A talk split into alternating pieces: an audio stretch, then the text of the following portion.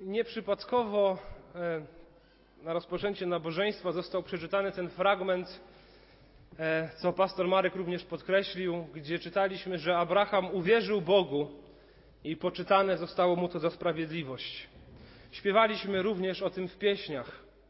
Tylko wytrwać w nim, z wiarą w końcu dni znalezionym być.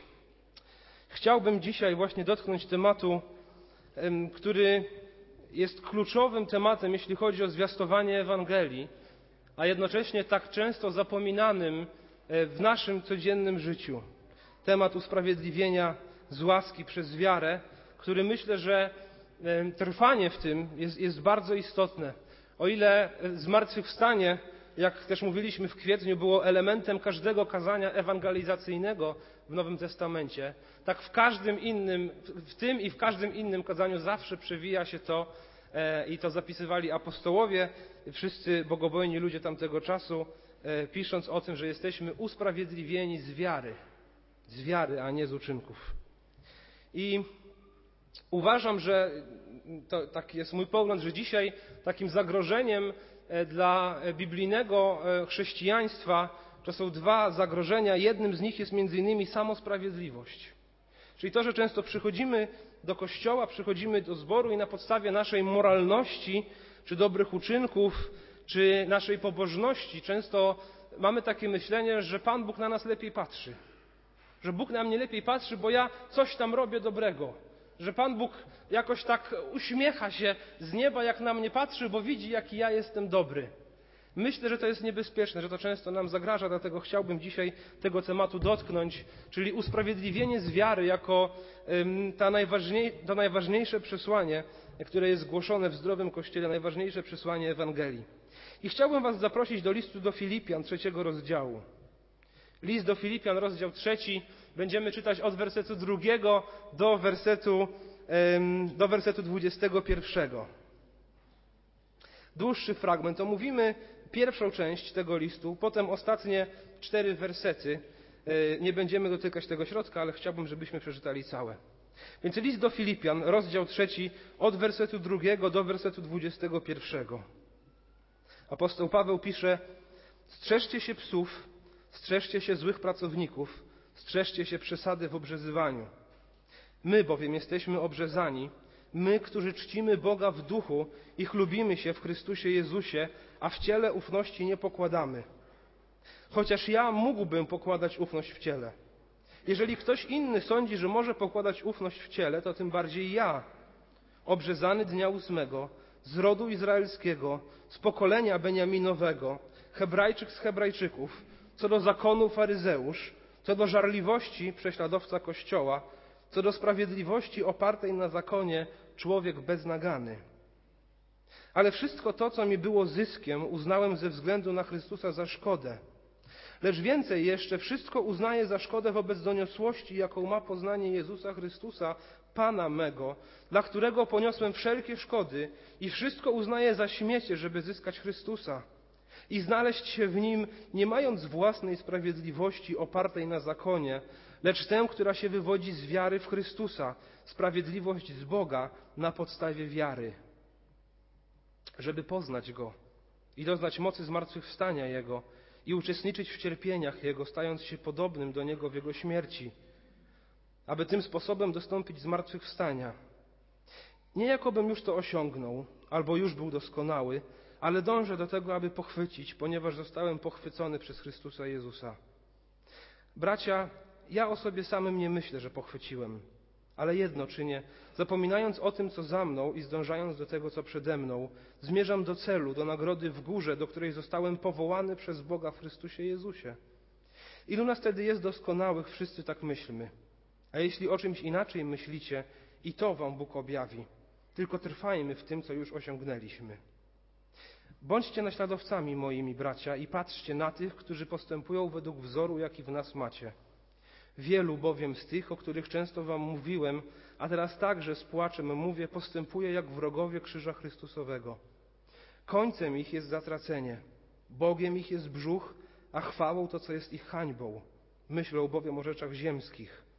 Nasza zaś ojczyzna jest w niebie, skąd też Zbawiciela oczekujemy, Pana Jezusa Chrystusa, który przemieni znikome ciało nasze w postać podobną do uwielbionego ciała swego, tą mocą, którą też wszystko poddać sobie może. Apostoł Paweł rozpoczyna ten długi fragment od wymienienia trzech takich negatywnych postaw, których należy się strzec. Mówi: strzeżcie się psów, strzeżcie się złych pracowników, strzeżcie się przesady w obrzezywaniu. Psy to oczywiście nie chodzi o zwierzęta.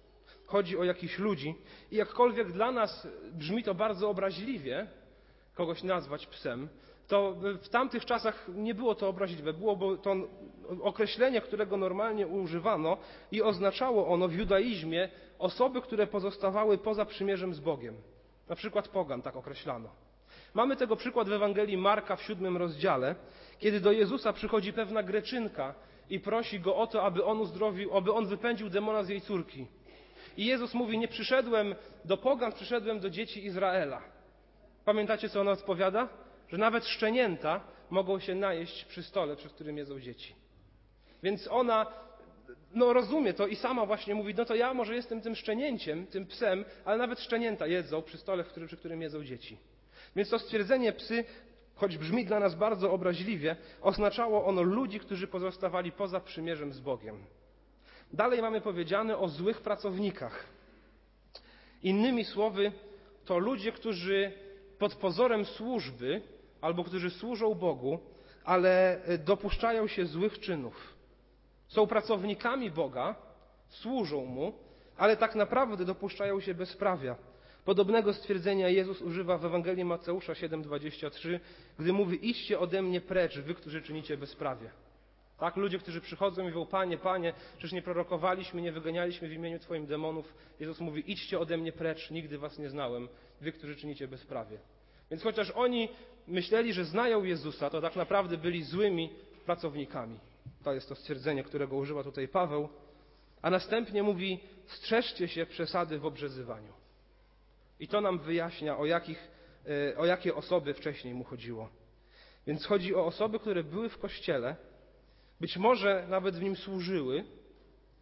I tak jak w przypadku listu do Galacjan, te osoby namawiały chrześcijan pochodzenia pogańskiego, że oni oprócz tego, że są zbawieni z łaski, to jeszcze powinni coś zrobić to jeszcze powinni się na przykład obrzezać, bo to był znak przymierza w Starym, w Starym Testamencie. I apostoł Paweł mówi: strzeżcie się. Strzeżcie się takich ludzi, bo tak naprawdę oni są poza przymierzem, tak naprawdę e, oni są złymi pracownikami. Strzeżcie się tego, kto coś dopisuje do zbawienia z łaski. Drodzy, co my dzisiaj dopisujemy do zbawienia z łaski? Do zbawienia przez wiarę. Być może w nas czasami jest takie myślenie, no łaska łaską, ale swoje trzeba zrobić. Apostoł Paweł dalej mówi w wersecie trzecim: My bowiem jesteśmy obrzezani, my, którzy czcimy Boga w duchu i chlubimy się w Chrystusie Jezusie, a w ciele ufności nie pokładamy. Więc jeśli ktoś może mówić o przymierzu z Bogiem, to apostoł Paweł mówi, to my możemy to mówić. Nie ci, którzy mają obrzezane ciało, jakiś znak na swoim ciele, nie ci, którzy opierają się nad, na swoim pochodzeniu, ale ci, y, którzy pokładają ufność w Chrystusie i pokładają ufność w Bogu. Liczymy nie na pokładanie ufności w ciele, w pochodzeniu, w pobożnych uczynkach, ale w Chrystusie Jezusie. Więc Paweł mówi do Filipian, myślę, że tak można by to sparafrazować. Filipianie, zborownicy, Uważajcie na ludzi, którzy chcą coś dopisać do zbawienia. Być może oni są w waszym zborze, być może oni są w kościele, być może oni śpiewają, modlą się razem z wami, ale jeśli dopisują coś do usprawiedliwienia z łaski przez wiarę, strzeżcie się tego. Oni są tymi wtedy, którzy pozostają poza przymierzem. Być może zarzucają wam, że coś jeszcze musicie zrobić, ale tak naprawdę to oni muszą najpierw uwierzyć. I następnie apostoł Paweł od wersetu czwartego przechodzi do ukazania tego, że wszystko to, co po ludzku może być chlubą, że wszystko to, co człowiek może zrobić własnymi czynami albo z czego może być dumny, jeśli chodzi o zbawienie dla niego, jest stratą. To jeden z najpiękniejszych, czy wstęp do jednego z najpiękniejszych fragmentów Nowego Testamentu. Apostoł Paweł mówi: Chociaż ja mógłbym pokładać ufność w ciele. Jeżeli ktoś inny sądzi, że może pokładać ufność w ciele, to tym bardziej ja.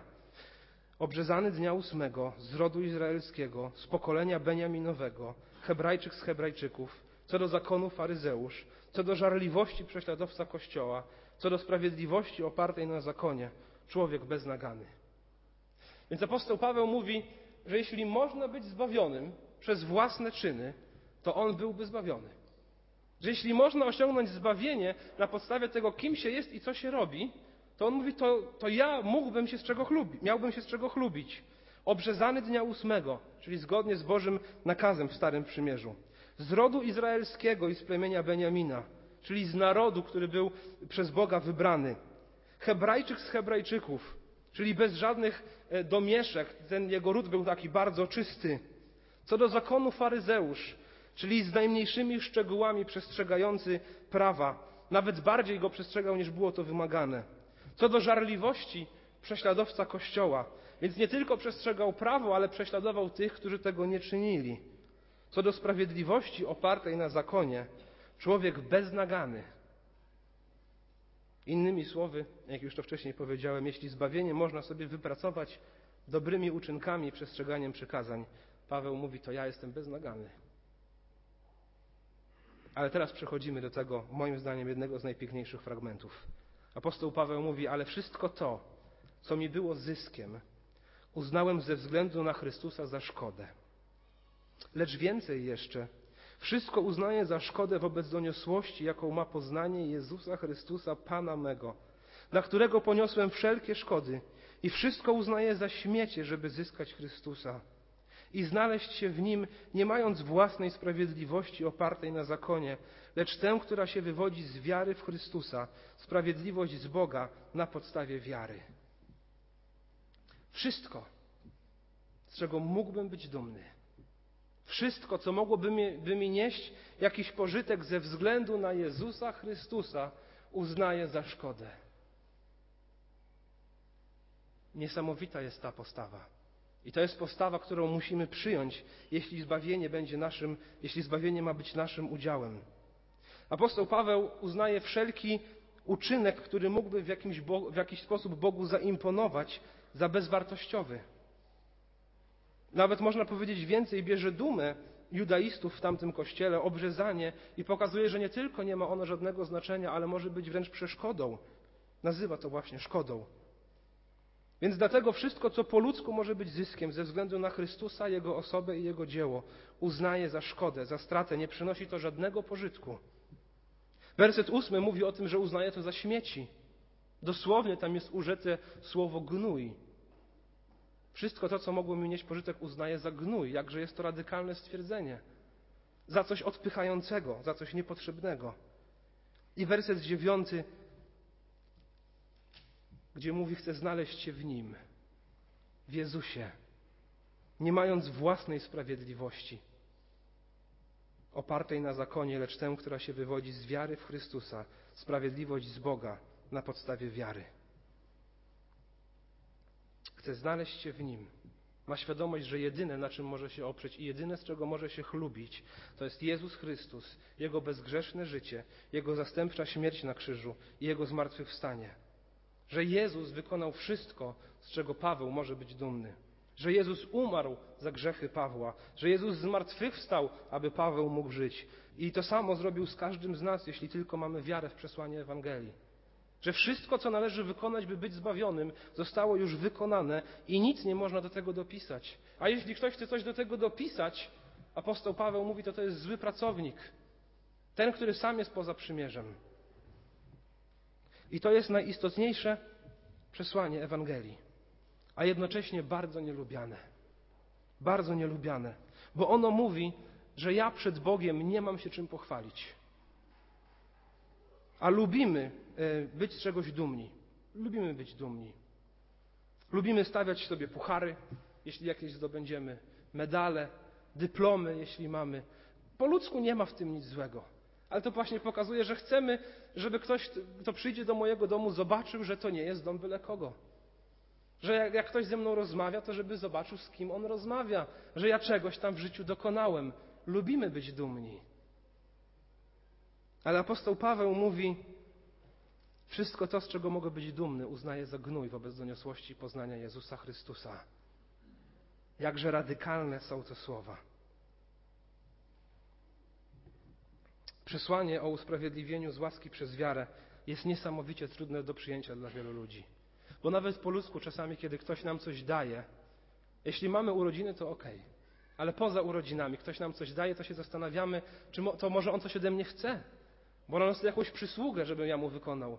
Może powinienem zaproponować, że zapłacę za ten prezent. Nie lubimy przyjmować czegoś tak po prostu z łaski. To jest jakieś takie uwłaczające. No coś chcielibyśmy z tym jeszcze zrobić. Jednocześnie mam wrażenie, że to przesłanie, które przewija się w całej Biblii o zbawieniu przez wiarę, od zawsze człowiek był zbawiony tylko przez wiarę, widzieliśmy to już w przypadku Abrahama, jest dzisiaj bardzo marginalizowane. Że często słyszymy o tym, że jest wieczność dla tych, którzy zaufają Jezusowi. Słyszymy, dostałem ostatnio maila mówiącego o tym, że Pan Bóg chce spełniać nasze marzenia. Mówimy o przyjacielu, którego mamy w Jezusie. Mówimy o celu i spełnianiu, spełnieniu w życiu, które daje Jezus. I to wszystko jest prawda. Ale ostatecznie wszystko się tak naprawdę rozgrywa o to usprawiedliwienie z łaski Bożej, że Pan Bóg wejrzał na człowieka przed założeniem świata, zobaczył jego grzeszność, bo wiedział, że ten grzech się na świecie pojawi i umiłował i posłał swojego syna, wiedząc że, ten, wiedząc, że ten człowiek w żaden sposób nie poradzi sobie z grzechem. Jezus żył bezgrzesznym życiem. I jeśli mu zaufamy i uwierzymy, to będziemy zbawieni. I nie możemy nic do tego sami od siebie dodać. I jeśli popatrzeć na wszelkie przebudzenia, jakie miały miejsce w ostatnich 500 latach, prawdziwe przebudzenia wynikające z Pisma Świętego, to widzimy, że wszędzie w centrum tych przebudzeń było właśnie to nauczanie o usprawiedliwieniu z łaski przez wiarę, że nie mam nic, co mogę Bogu dać.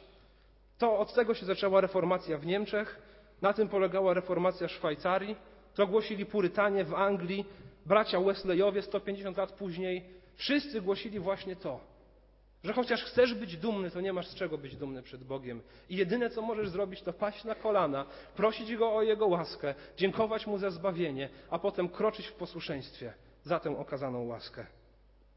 Drodzy, czy tym bardziej i my nie powinniśmy dzisiaj tego głosić i pamiętać właśnie o tym przesłaniu. Szczególnie w kraju, w którym tak wiele ludzi wierzy w to, że oni muszą coś dobrego zrobić, że oni muszą coś przyjąć, że oni muszą coś wychodzić w kościele czy gdziekolwiek indziej, aby zostać zbawionymi. I od wersetu 9 aż do 17 apostoł Paweł dalej mówi o em, o dążeniu do doskonałości, o uświęceniu, o zmartwychwstaniu, aż dochodzimy do wersetu 17. I mówi: Bądźcie naśladowcami moimi bracia i patrzcie na tych, którzy postępują według wzoru, jaki w nas macie. Mówi: Naśladujcie mnie, naśladujcie nas, tych, którzy mają wiarę i ufają Jezusowi i opierają się na Jego dziele. Uważajcie na tych, którzy mówią wam co innego. I teraz przechodzimy do sedna. Werset 18. Wielu bowiem z tych, o których często wam mówiłem, a teraz z płaczem mówię, postępuje jak wrogowie krzyża Chrystusowego. Wielu. Więc to nie jest sprawa marginalna. Wielu już wtedy było takich. To jest problem wielu ludzi, który Paweł faktycznie często porusza. I mówi, że czyni to z płaczem. Wielu bowiem z tych, o których wam często mówiłem, a teraz także z płaczem mówię postępuje jak wrogowie Krzyża Chrystusowego. Myślę, że ten płacz tu jest istotny. Jest to istotna wskazówka, bo to pokazuje, że to nie są jacyś ludzie ze świata. Wrogami Krzyża Chrystusowego nie są jacyś ludzie zagubieni w swojej grzeszności, całkowicie jej oddani. Ale on mówi o nich z płaczem. On jest prawdziwie tym poruszony. Więc myślę, że to byli ludzie, z którymi on miał styczność na co dzień. Ludzie ze zboru, ludzie, którzy nazywają siebie chrześcijanami. Wiele razy on już to poruszał. I wywołuje to u niego łzy, bo on pewnie zna tych ludzi, a jednocześnie ma świadomość, że oni są wrogami krzyża Chrystusowego. Drodzy, skoro wtedy znajdowali się tacy ludzie w zborze w Filipi, to czy to nie jest również nasz problem? Czy to nie jest również nasz problem? Myślę, że ci ludzie nie byli wrogami Chrystusa. Myślę, że oni naprawdę go podziwiali. Być może on im naprawdę imponował. Podobało im się jego nauczanie. Podobało im się Jego życie. Może ich ulubiony werset dzisiaj to byłby Jana 3,16. Podobał im się Jezus, ale byli wrogami Jego krzyża. Dzisiaj ludziom, również wielu ludziom podoba się Jezus. Nie trzeba być chrześcijaninem, żeby, żeby e, coś o nim wiedzieć.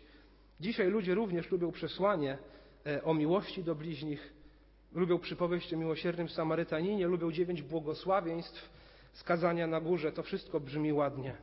Dla wielu dzisiaj krzyż jest obrazem poświęcenia, dla wielu krzyż jest symbolem miłości albo ofiary, a jednocześnie myślę, że są wrogami krzyża. Dlatego, że nie traktują ofiary Jezusa Chrystusa jako tej wystarczającej i chcą zrobić coś jeszcze, aby Bóg lepiej na nich patrzył. I choć jest to prawda, że krzyż jest ofiarem i symbolem poświęcenia miłości itd., tak itd., tak to sednem jest zastępcza ofiara Jezusa Chrystusa. Jezus umarł na krzyżu przede wszystkim dlatego, że my jako ludzie jesteśmy beznadziejnie grzeszni i w żaden sposób nie możemy Bogu się przypodobać i w żaden sposób dobrymi uczynkami nie możemy tego zmienić. Możemy tylko dodawać coś dobrego do nas, ale tak naprawdę ten grzech, który jest obecny, niczego nie, te, te, te dobre uczynki niczego nie zmieniają. I ten grzech nas męczy. I ten grzech jako ludzi nas dobija. I mamy sumienie, które często jakoś nas gryzie, że ja niewłaściwie się zachowałem.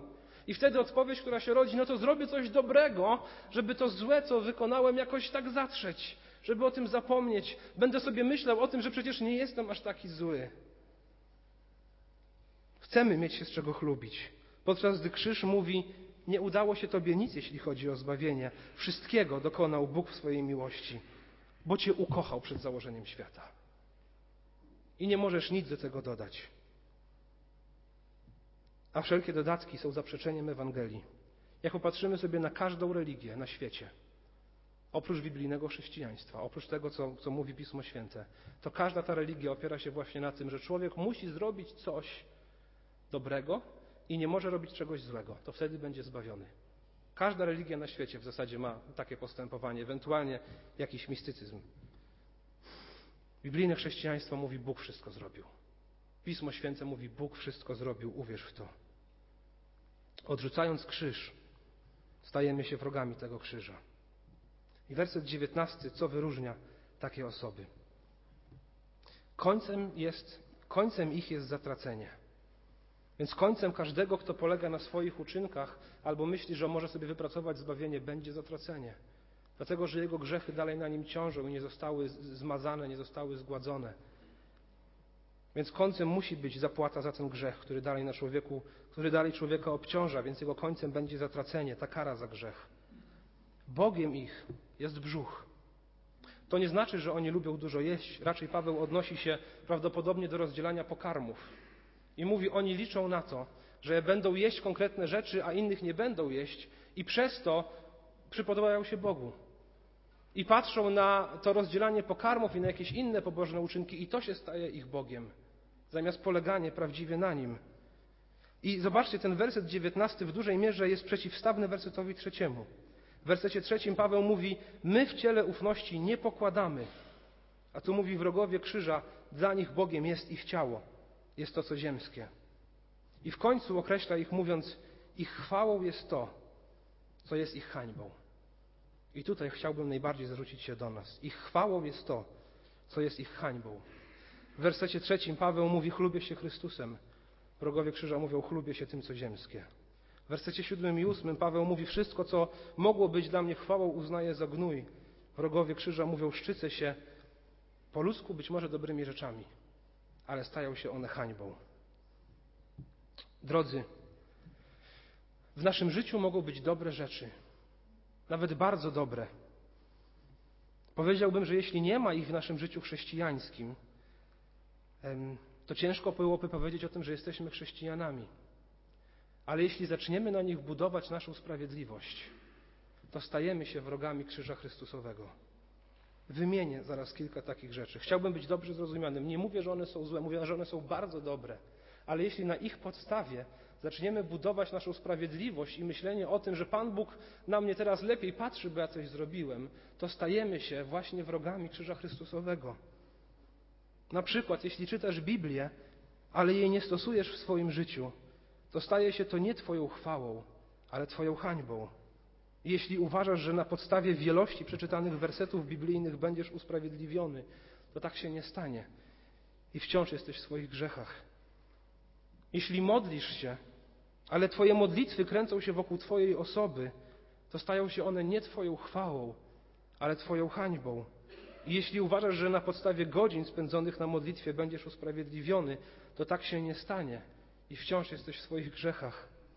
Jeśli chodzisz do zboru po to, by widzieli Ciebie inni, jaki jesteś religijny, albo żeby podbudować swoje poczucie religijności, to chodzenie do zboru nie jest Twoją chwałą, ale jest Twoją hańbą. I jeśli uważasz, że na podstawie godzin spędzonych na nabożeństwie będziesz usprawiedliwiony, to tak się nie stanie i wciąż jesteś w swoich grzechach. Jeśli angażujesz się w służbę po to, aby inni Ciebie dostrzegli i zobaczyli, jak bardzo kochasz Boga, to to nie jest Twoją chwałą, ale Twoją hańbą. I jeśli uważasz, że na podstawie swojej służby będziesz usprawiedliwiony, to tak się nie stanie i wciąż jesteś w swoich grzechach. Zobaczcie, z całego Izraela faryzeusze najlepiej znali Pismo Święte, najwięcej się modlili, najczęściej chodzili do synagogi, najbardziej angażowali się w służbę, najlepsze dziesięciny dawali, a jednocześnie byli zagorzałymi wrogami Krzyża Chrystusowego. I wszystkie te rzeczy, które wymieniłem, są dobre, a nawet bardzo dobre, i bez nich życie chrześcijańskie nie jest chrześcijańskie. Ale jeśli na ich podstawie zaczniemy budować poczucie naszej sprawiedliwości, że Bóg mnie dzisiaj bardziej kocha, bo przeczytałem jeden rozdział Biblii więcej niż wczoraj, to to jest kłamstwo. Bo On bardzo Ciebie kocha tak bardzo, jak to jest tylko możliwe, ponieważ ukochał Chrystusa i Jezus zapłacił za Twoje grzechy, a Ty Mu uwierzyłeś. Albo nie kocha Ciebie w ogóle, albo kocha Ciebie tylko jako swoje stworzenie. Nie da się swoimi uczynkami dojść do Niego. A często, kiedy patrzę y, na ewangelikalne chrześcijaństwo, kiedy nawet patrzę na siebie, to włącza mi się takie myślenie, że coś zgrzeszyłem, coś zrobiłem nie tak, no to teraz muszę coś zrobić lepszego. To może poczytam trochę więcej Biblii. To może kogoś odwiedzę. To może zrobię coś innego ładnego. To tak nie działa. Jezus zapłacił za wszystkie Twoje grzechy, jeśli mu uwierzyłeś. Jeśli zgrzeszyłeś, nie próbuj za to zapłacić, ale przyjdź do Niego w modlitwie, wyznaj Mu swój grzech, proś o przebaczenie i idź dalej. Ciesząc się życiem chrześcijańskim i czytając Pismo Święte, modląc się, chodząc do zboru i służąc nie po to, by odpłacić, ale czyniąc to w poczuciu odpowiedzialności przed Bogiem, czyniąc to z radości, że możesz Mu służyć. To jest, myślę, że wielkie zagrożenie właśnie konserwatywnego, ewangelikalnego chrześcijaństwa. Samosprawiedliwość. Że my jesteśmy, my, tak przynajmniej lubimy o sobie myśleć, bardziej moralni niż inni, mamy lepszą teologię niż inni, mamy może ładniejszy śpiew niż inni, może bardziej żywe modlitwy niż inni, więc jesteśmy zbawieni. Nieprawda. Nieprawda. Jesteśmy zbawieni tylko i wyłącznie przez wiarę w Jezusa Chrystusa. A nasze pobożne uczynki, choć bardzo ważne, nie sprawią, że On nas bardziej pokocha, ani nie zmarzą naszych grzechów. Wszystko to, co mi było zyskiem, uznałem ze względu na Chrystusa za szkodę. Lecz więcej jeszcze, wszystko uznaję za szkodę wobec doniosłości, jaką ma poznanie Jezusa Chrystusa, Pana mego, dla którego poniosłem wszelkie szkody i wszystko uznaję za śmiecie, żeby zyskać Chrystusa i znaleźć się w Nim, nie mając własnej sprawiedliwości opartej na zakonie, opartej na czytaniu, opartej na modlitwie, opartym na służbie, opartej na chodzeniu do zboru, lecz tę, która się wywodzi z wiary w Chrystusa, sprawiedliwość z Boga na podstawie wiary. Zdaję sobie sprawę z tego, że to brzmi bardzo radykalnie, może szokująco i ostro, ale musimy sobie to stale przypominać że tylko w Jezusie jest nasze zbawienie, że tylko w Jezusie jest nasza nadzieja, że tylko w Jezusie jest dla nas racunek. Jedyne, co my możemy zrobić, to być wdzięcznymi i iść w posłuszeństwie Jemu. Nie po to, aby na coś zapracować albo aby czemuś odpłacić. Zapytajcie dzisiaj przeciętnego Polaka, co trzeba zrobić, by być zbawionym. Odpowie: być dobrym człowiekiem, przestrzegać przykazań, przyjmować sakramenty. Zapytajcie przeciętnego baptystę, co trzeba zrobić, żeby zostać zbawionym. Oby nie powiedział czytać Biblię, przyjąć chrzest i przyjmować pamiątkę wieczerzy pańskiej. Ale zapytajcie dzieci, które chodzą do zboru, albo młodzież, która chodzi do zboru, która jeszcze nie zrozumiała przesłania Ewangelii, co trzeba zrobić, aby się ochrzcić. To nie powiedzą, nie jestem jeszcze gotowy, bo trochę za mało znam Pismo Święte i za mało się modlę. Taka bardzo często jest odpowiedź. Nie dlatego, że nie jestem zbawiony, albo jestem w swoich grzechach, albo cokolwiek innego. Muszę coś zrobić i wtedy będę mógł się ochrzcić. To siedzi w nas. Zobaczcie, jak często też, kiedy wychowujemy nasze dzieci, ja to widzę sam po sobie, kiedy teraz moja Basia coś więcej rozumie i mogę z nią rozmawiać o Bogu, bardzo łatwo mi ją uczyć moralizowania. Musisz robić to i musisz robić tamto, Panu Bogu się podoba to, Panu Bogu się podoba tamto, modlimy się przed jedzeniem i tak dalej. Mało uczę jej łaski i mało uczę jej wiary. Drodzy, badajmy nasze serca. Badajmy nasze serca, byśmy nigdy nie stali się wrogami krzyża, bo ci wrogowie krzyża siedzieli w zborze w Filipi. Badajmy nasze serca, by coś, co się wydaje naszą dumą, nie stało się naszą hańbą. Badajmy nasze serca, aby nasze poczucie wartości i nasza sprawiedliwość nie była bazowana na pobożnych czynach, ale na sprawiedliwości Jezusa Chrystusa. Jeśli jesteś w Chrystusie i jesteś zbawiony, to Bóg nie będzie cię kochał bardziej dlatego, że zrobisz coś dobrego. Ale rób coś dobrego, dlatego że Bóg ciebie zbawił, krocząc we wdzięczności, poczuciu odpowiedzialności przed Nim. Granica między tymi dwoma jest bardzo cienka i bardzo łatwo ją przekroczyć. Wystrzegajmy się tego. Strzeżmy naszych serc. Pilnujmy tego, byśmy zawsze byli zakorzenieni w usprawiedliwieniu na podstawie wiary w Jezusa Chrystusa i w tym, co On wykonał na krzyżu. A jeśli słyszysz to może po raz pierwszy, albo zrozumiałeś to po raz pierwszy, to przyjdź do Jezusa w modlitwie. Wyznaj Mu wszystko to, na czym do tej pory bazowałeś, jeśli chodzi o Twoje zbawienie. Wyznaj Mu to i poproś, aby On zbawił Cię swoją sprawiedliwością i odrzuć wszystko to, e, co czyni Ciebie wrogiem krzyża, a idź za Jezusem.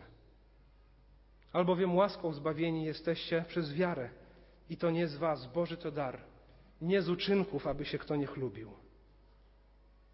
Jego bowiem dziełem jesteśmy stworzeni w Chrystusie Jezusie do dobrych uczynków, do których przeznaczył nas Bóg, byśmy w nim chodzili. Obrzezanie samo w sobie było zwykłym znakiem na ciele. Może ani dobre, ani złe.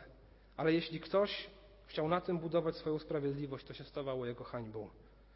Zastanówmy się na czym, co jest naszą dumą i zbadajmy swoje serce, na czym my często bazujemy swoją sprawiedliwość. A jeśli coś takiego jest, wyznaj to jak najszybciej swojemu Bogu i zapłacz nad tym, tak jak płakał nad tym apostoł Paweł, nad tymi, którzy pokładali ufność w ciele.